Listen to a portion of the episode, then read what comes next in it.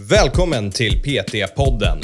Podcasten för dig som vill lära dig mer om träning och hälsa. Mitt namn är Karl Gulla och jag är utbildningsansvarig för Sveriges största PT-utbildning, Intensiv PT. En bra poäng med detta och ehm, lyfta fram det är också det här att även om vi vill lyssna till människors utmaningar och hinder så ska vi som tränare och coacher kanske inte fokusera på problemen utan vi vill hellre fokusera på utvecklingen i detta. Men vi vill vara medvetna. Om någon har det tufft, det är ändå bra att känna till det. Välkomna till PT-podden. Idag har vi med oss den här stora, stora ökända gästen Mattias Sakau igen. Och det här avsnittet, det, det är inte nödvändigtvis en del 1 och del 2, utan förra veckan då pratade vi om det här med SDT och det, det är ett stort, bra samtalsmetodik som vi kan använda för att helt enkelt förstå våra klienter bättre och hjälpa dem framåt. Idag så fortsätter vi den dialogen. Det, det, är inte nödvändigtvis inne på exakt samma ämne, utan det det handlar om det är coachcentrerad träning versus klientcentrerad träning. Och jag vet faktiskt inte hur jag ska introducera det här, för att det är bara stora feta tankeställare som hjälper en göra bättre för sina klienter. Och jag sa det i förra introt också. Jag önskar att jag hade haft den här konversationen för tio år sedan, men nu har jag haft den och det här kommer hjälpa mig, så jag tror att det kommer hjälpa er. Så om ni inte har lyssnat på det andra avsnittet, då gå in och gör det. Det är den här SDT, det borde ligga precis innan i flödet på podden. Eh, och sen lyssna på det här, för det, det är inte del 1 och del 2, men jag tror att det kommer bli lite mer logiskt hur själva flödet av konversationen är om man gör så. Så varsågoda, jag hoppas att det här hjälper er. Jag tror att det kommer göra det. Nu kör vi!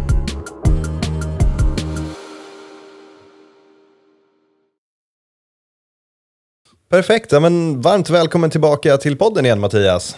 Det tackar vi för och det är ju eh, fjärde gången gilt då. Ja, faktiskt. Det är rutinerad podcastare nu. Men du, du har faktiskt inte bara varit med i PT-podden. Du, du har väl en egen podd va? Ja, jag hade en podd um, under många år som hette Pump och Magnesium och sen Precis. tröttnade jag lite på det och så startade jag en ny då nyligen som heter Kraftsport och vetenskap som är lite eh, smalare kanske. Ja, Okej, okay, sidetrack innan vi går in på dagens ämne. Varför ja. valde du att starta ny istället för att fortsätta på den gamla brandingen som du hade, eller gamla följarbasen? Liksom? Ja, um, jättebra fråga. Det har varit coolt om man har ett bra svar, tänker jag. Trött på namnet Pumpa Magnesium? um, ja, dels lite associationer. Många tänkte så här, ja, det här är fitness, det är bodybuilding. Och i min karriär så är inte jag så intresserad av magrutor längre, utan det är mer annat. Det är prestationsutveckling, det är rehabilitering eh, och kanske förstå vad är skillnaden. Alltså vad, vad vet vi egentligen? Vad vet vi inte? Um, så att eh, jag tröttnade väl helt enkelt och ville gå vidare på något sätt. Mm. Ah. Hur, var, vart hittar man nya podden? Då? Vi inleder med en plugin här allihopa. Ja, den hittar man på Spotify och iTunes och alla andra ställen som poddar finns ju. Och ge oss namnet en gång till. Kraftsport och vetenskap. Och vad var det senaste avsnittet vad handlade det om? Eh, det senaste handlar om procentbaserad träning. Mm. Eh, fördelar och nackdelar med det. Fan vad roligt. Ja, det, vi, får, bra. vi inleder med en plugin. Det känns som helt rätt sätt att göra på istället för att avsluta med en plugin. Ni har fått reklamen först och nu går vi in på dagens ämne. Så idag har vi tränarcentrerad träning, eller tränarorienterad träning. Jag kommer knappt ihåg vad, vi, vad, vad titeln var nu. Versus klientcentrerad träning. Vilka ja, är rätt nu? Jajamän. Och det här är ju en form av eh, perspektivskifte egentligen. Eh, det återknyter ju till det förra avsnittet vi gjorde mm. som handlade om SD, SDT, alltså självbestämmande teori. Och vi var lite inne på det, vi pratade om maktbalans, eller hur? Mm, vi pratade också om eh, kanske att klienten får bestämma lite ibland också. Mm. Men vad hade hänt om allt fokus istället var på klienten? Allt fokus. Okej, okay, så ska vi ta det till en extremfall då? Att en klient kommer till mig och säger jag vill göra det här och jag säger okej. Okay. Uh, och så berättar de om sina mål och vad de vill göra. Säger okej, okay, hur tror du att du ska uppnå de här målen då? Så de säger ja, men jag tror jag behöver träna tre gånger i veckan. Okej. Okay. Vilka övningar tror du att du behöver göra? Ja, benträning. Okej, okay, vilka benövningar tycker du är kul att göra? Och så fortsätter vi så. Ja, precis. Har jag nu gått till det extrema eller? Ja, men det kan man ju säga. Men behöver det vara så illa egentligen? Att klienten tar besluten? Måste det vara du som tränare som bestämmer allting eller kan det finnas fördelar med detta? Jag hade väl kunnat motivera nu om jag ska köra lite djävulens advokat här och vara lite utmanande att eh, klienten på något sätt köper en... Dels att de kanske inte har kompetensen, men också att de köper en tjänst där de vill bli tilltalade till vad de ska göra. Ja, men absolut. Eh, och mm, ska de fortsätta träna så är det absolut fördelaktigt att de är med och bestämmer vad man ska träna. Ehm, och det är upp till dem också i slutändan. En sak som har ehm, grämt mig mycket på senare år, som jag funderat mycket på, det är just det här med att man som tränare förväntas ha alla svar. Eh, och det är lite orealistiskt ideal att leva upp till mm. på olika sätt. Som tränare så kan vi lära oss om vetenskap, om teori, biomekanik, fysiologi och allt vad det heter. Men i slutändan så är det kunden som är expert på sin egen kropp faktiskt. Så är det, absolut. Um, exempelvis, uh, jag utgår från mig själv och säger till klienten, när du gör den här övningen, då ska det kännas i gluteus. Ja, varför då? För när jag som tränare gör detta, då känner jag det i gluteus. Men de som inte har tränat så mycket tidigare, um, de kanske inte har den kroppsmedvetenheten. De kanske inte känner skillnad på kontakt. Vad är hamstrings? Vad är eh, rumpa? Eh, och sådär. Och det är ett problem. Mm. Jag, jag skapar ju hinder i detta. Ja, de kanske inte ens vet vad gluteus är, först och främst. Ja, precis. Ingen jättebra idé att prata jättemycket anatomi med klienter, om de inte väldigt gärna vill. Då. Så vad har vi då? Vi, vi har tränarcentrerad liksom, liksom coaching. V vad innebär det? det? Det är att jag som tränare ska ha alla svar. Precis, och det jag säger, det är det som gäller. Det är lag. Så här är bra träning och så ska vi göra.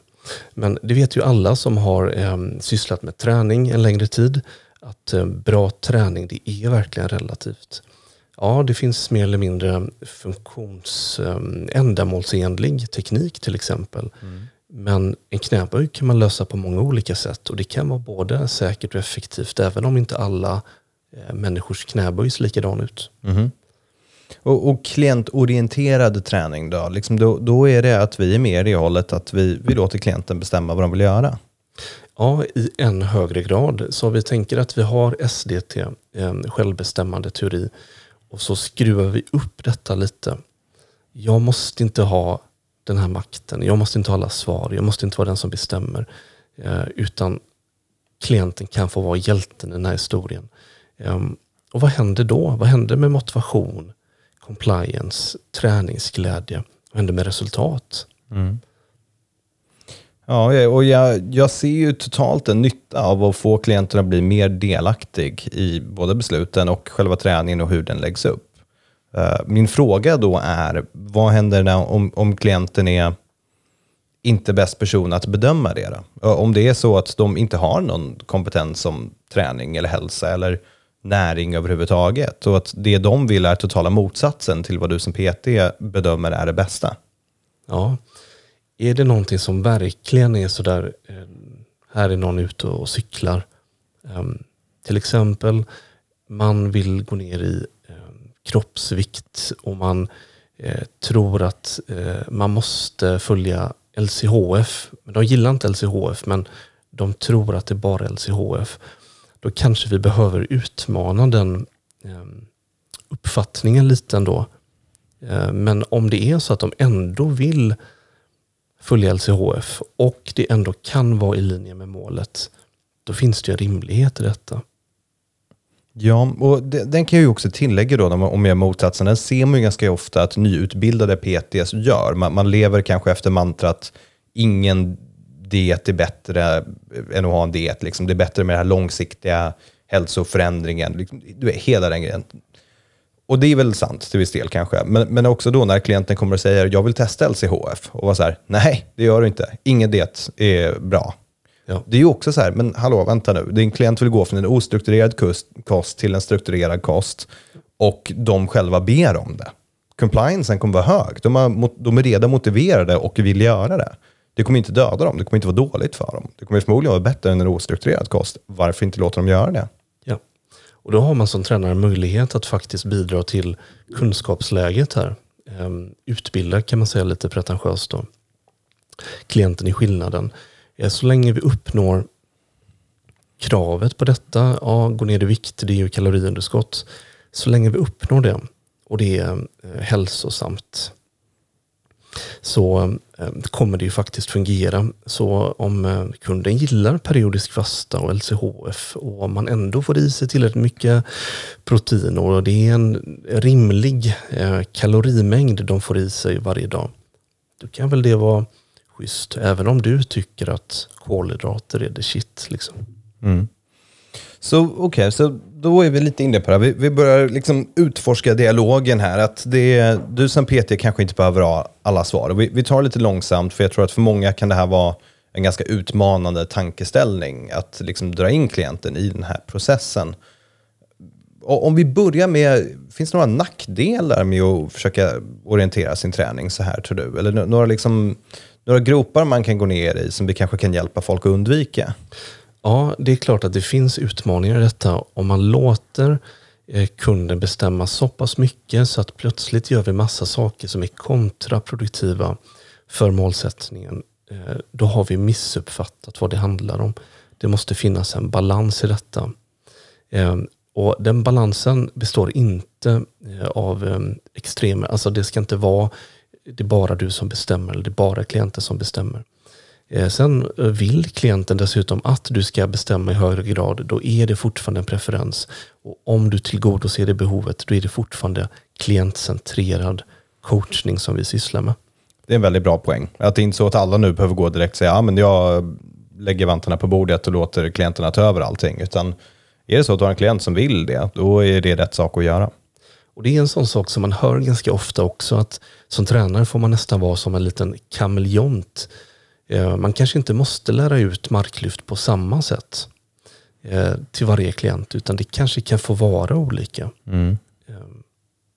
Mm. Det, det, är ju, väldigt ofta handlar det om att utforska fram, och just om man tar de här, hur man ska lära ut övningarna till den personen. Och det, vi satt ju faktiskt och pratade lite grann mellan de här avsnitten som vi har spelat in om eh, om just träningsprogrammering. Och du, du, nämnde att du har ju börjat tänka lite annorlunda kring hur du lägger upp träningsprogram för personer. För jag, jag ställde frågan till dig mellan avsnitten, hur, och det är framförallt baserat på förra avsnittet om SDT, men jag, jag tror att det här är relativt ganska bra. Hur har det här påverkat hur du coachar? Vill du ta om det svaret som du gav? För ja, jag tycker det var väldigt bra. Jag har varit båda typerna av coach. Jag har varit den här um, coachen som har haft alla svar och liksom suttit på um, höga hästar och sådär. Eh, men jag har också varit den här som eh, ibland kanske har låtit eh, kunden bestämma för mycket. Och då kan man tappa dem också. Eh, vad gäller periodisering, det är ju väldigt intressant. Eh, periodisering och programmering, det handlar ju då om den systematiska variationen av träning och sen hur vi detaljstyr intensitet, volym, eh, frekvens och alla de här bitarna. Och det kan man göra på lite olika sätt. Det finns jätte jättemånga sådana olika modeller som man kan använda sig utav. Man behöver inte uppfinna någonting nytt där egentligen, utan man kan se vad andra har gjort eh, och sen eh, experimentera på egen hand. Mm. Um, men poängen som jag ville få fram där, det var att det finns en eh, skillnad i hur man kan arbeta med den långsiktiga planeringen och variation i träning. Och ett ganska gammaldags sätt att se på det, det är att vi har ett mål som är långt in i framtiden. Det är ett år hade vi som exempel tidigare. Mm. Vi ska tävla på OS. Vi ska bli bäst på OS. Ja, då vet vi målet. Kan jag som tränare planera för varenda övning, varenda variation i intensitet, volym, reps, sätt, vila och allt detta under 12 månader? Ja, jag kan gissa kan göra. Har jag mycket kunskap, har mycket erfarenhet, känner jag den jag coachar väl, så har jag en eh, lite tydligare uppfattning. Men i många fall så handlar det om att vi ska förutspå. Vi gissar egentligen i stort mm. sett. Eh, det jag tycker är intressant, det är om man vänder på detta och man istället går från en eh, uppifrån och ner approach till nedifrån och upp. Så vi börjar med ett block och utifrån det blocket så Eh, växer nästa block fram istället. Och då ser man detta. Om vi testar ett antal övningar på vår klient, då kommer personen säga till oss, den där övningen gillar inte jag. Den där var nice. Eh, och Detta då eh, kan man kalla för framväxande behov. Det växer fram behov allt eftersom och den här informationen kan man använda. Då. Ja, precis. Så det, det låter som en mer um, utforskande sätt att se på träningen. Att det är Ja, det, det, är precis som du säger nu. Jag vet att jag kanske börjar låta lite repetitiv, men jag tror det är för att det behöver höras många gånger. Men fokuset ligger istället för att jag bestämmer allt du ska göra till att vi utforskar tillsammans fram medan jag guidar dig in i vad som funkar och inte funkar. Liksom. Det, det, är lite den metodiken. Och jag tror absolut det här kan funka med väldigt, väldigt många människor för att de får mer ansvar för sin egna träning. Liksom. Istället för att säga nu ska jag göra ett, ett års block som kommer se ut exakt så här. Så vi, vi börjar med nummer ett och så tar vi det därifrån. Då är min fråga, när, när du träffar en ny person till exempel, som du ska ha som klient, det låter inte så förtroendegivande kanske att säga så, men jag vet inte, vi, vi, jag har ingen aning, vi ska ju testa, hur ska jag veta hur du funkar? Liksom? Jag kan inte planera 12 månader i framtiden, tänk om du blir sjuk? Hur gör vi det här samtidigt som det låter, eller ja, samtidigt som vi kan visa, eller få klienten att känna förtroende för att vi faktiskt vet att det här är rätt väg att gå? Jag upplever att det ändå är en god idé att äh, ganska tidigt informera personen vad det är vi gör och varför. Så äh, om någon frågar så här, vad ska vi göra nästa träningsperiod? Så räcker det inte med att säga, jag vet inte. Mm. Jag har ingen aning. Utan då kanske man kan förklara det här att eh, jag tror på den här metodiken. Den använder vi därför att. Och det här är fördelarna med detta. Det finns andra sätt man kan göra det på också. Men detta tror jag på. Och det kommer funka eh, bra om vi får till de här bitarna. Då. Um, och Sen vill ju klienter ha olika mycket information. Mm. Vissa vill ha väldigt detaljerade förklaringar. Vissa vill veta varför. Någon, um, ganska många ändå faktiskt, de vill bara veta vad de ska göra. De bara räknar kallt med att du har svaren, så länge jag följer planen så blir det bra. Och det får också vara okej okay på något sätt. Mm. Så ge mig ett exempel på när du var piskan och du känner fan nu på efterhand, jag skulle inte varit piskan, jag skulle gjort det här. Och när du kanske har gjort det här men gjort det lite för mycket. Har du två sådana exempel? Ja, um, ett exempel på piskan, det kanske är just det här med övningsval.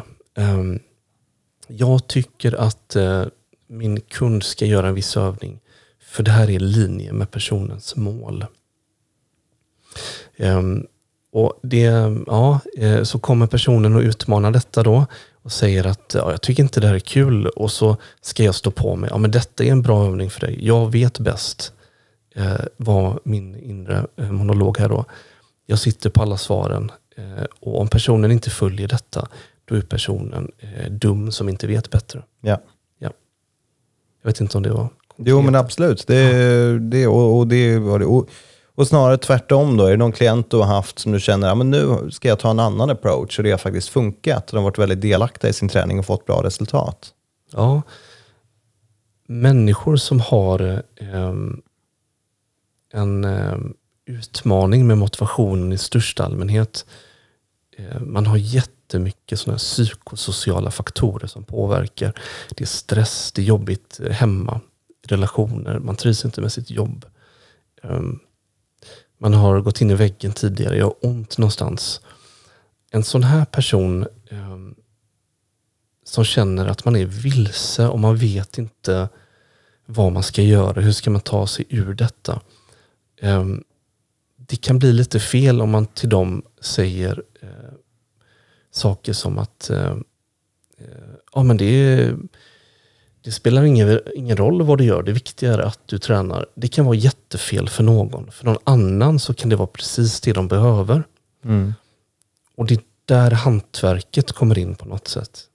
Det är det som är svårt att lära sig. Det här är individanpassning också. Det handlar inte bara om sätt, reps, vila för mål, utan det är också lyssna in, um, lära känna människan.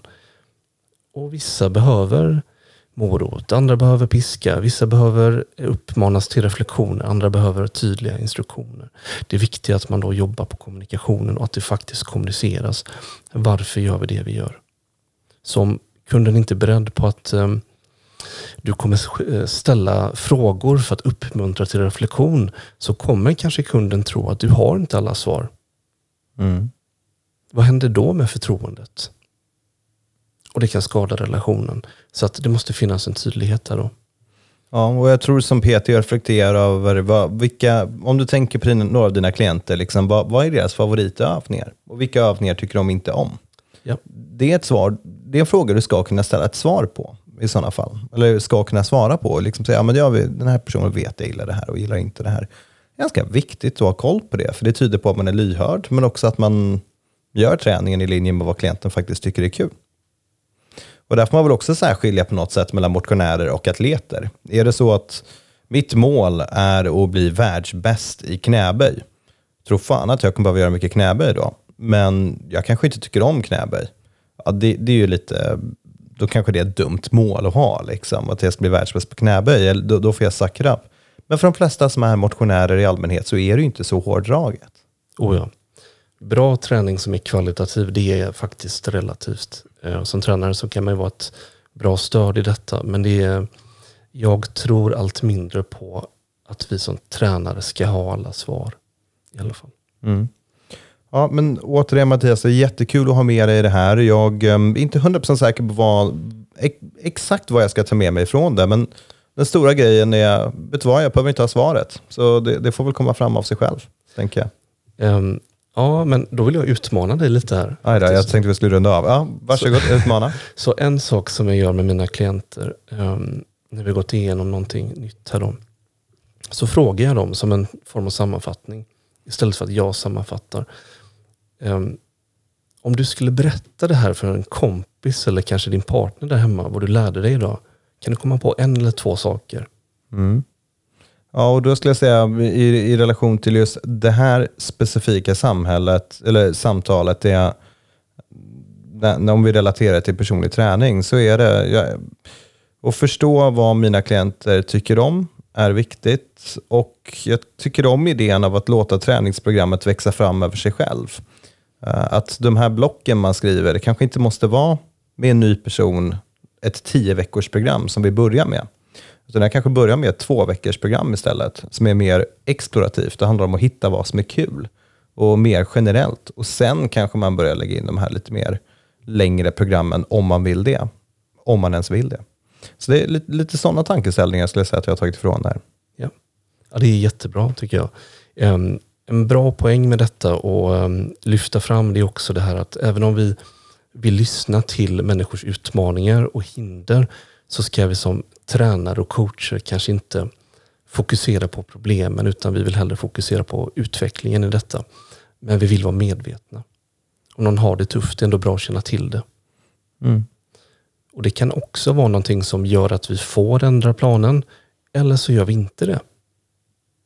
Allt det man lyssnar på behöver inte ha en praktisk relevans i hur man strukturerar träning eller lär ut. Men just det att utforska, Ehm, lära sig saker, upptäcka. Liksom. Ehm, istället för att göra knäböj på rätt sätt. Vi testar lite olika sätt och sen vi hittar någonting som är nice. Liksom. Det här funkar. Ehm, det tror jag man vinner mycket på som tränare. Ja, där har ni den hörni. Och nu vågar inte jag ställa några fler frågor, för annars kommer jag vara tvungen att svara på frågor igen.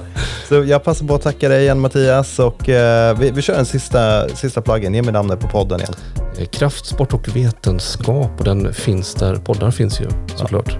Där har ni det. Stort tack, vi hörs.